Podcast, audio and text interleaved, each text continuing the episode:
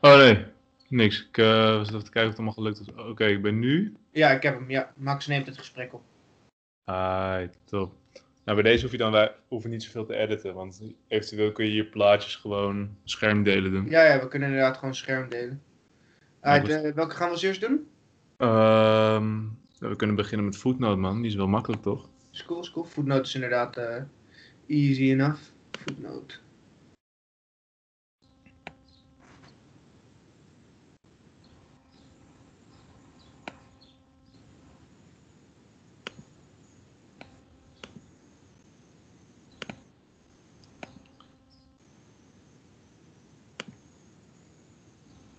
Alright.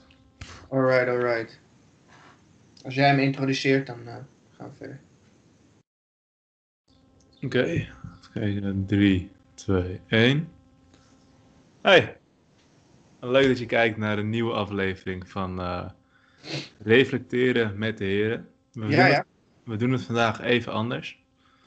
Um, vanwege de hele COVID-19 situatie doen we het deze keertjes online. Ja. De, de, dus de online lesvariant. Uh, vandaag in de aflevering gaan we het hebben over voetnoten. Inderdaad. En uh, Felix, zou jij eens willen uitleggen wat voetnoten zijn?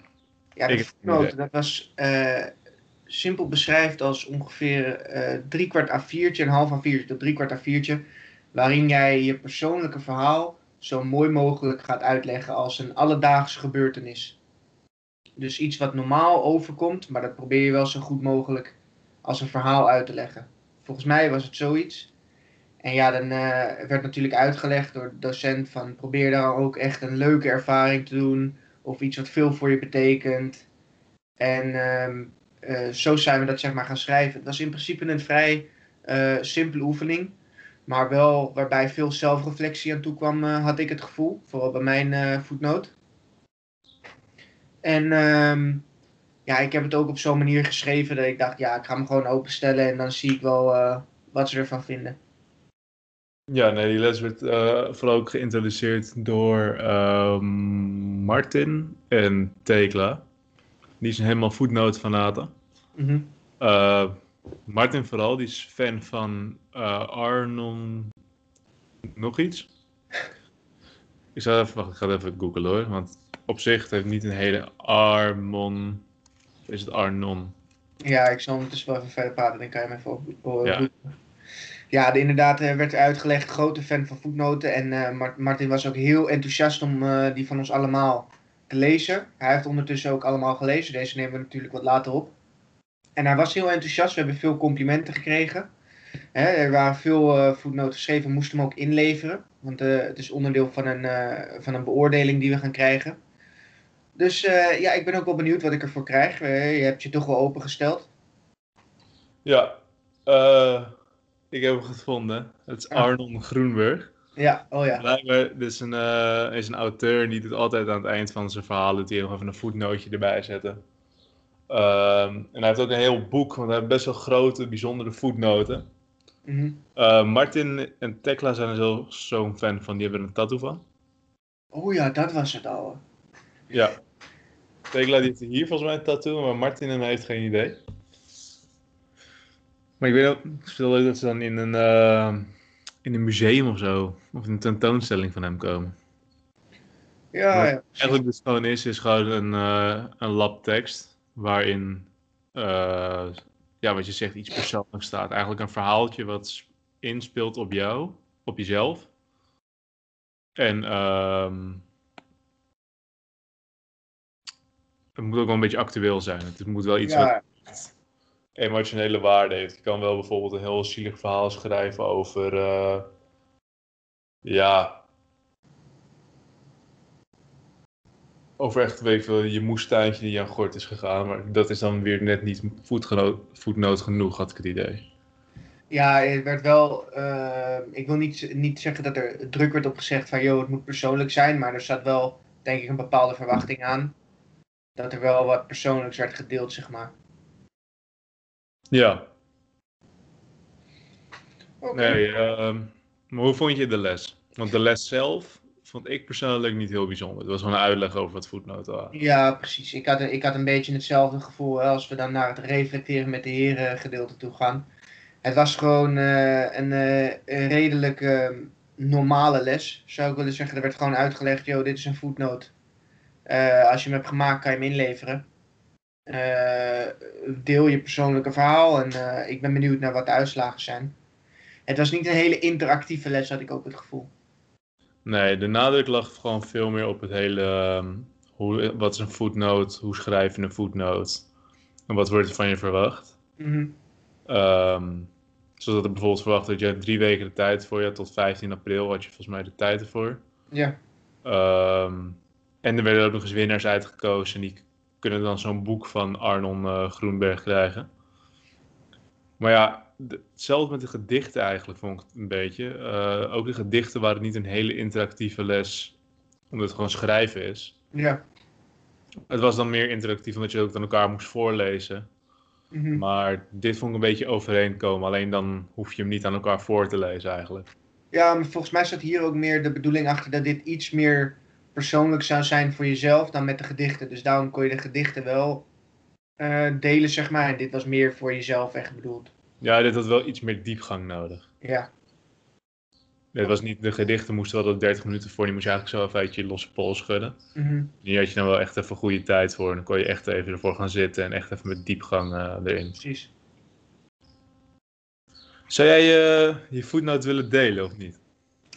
Ik zeg je eerlijk nee, man. Het is mij iets te persoonlijk dat ik denk uh, zo, want we gaan het natuurlijk wel openbaar maken naar, naar, naar echt iedereen. Ik zou zeggen, ik hou hem lekker voor mezelf. En dan uh, de leraar hebben hem al gezien. Maar als jij hem wil delen, ik ben benieuwd, man.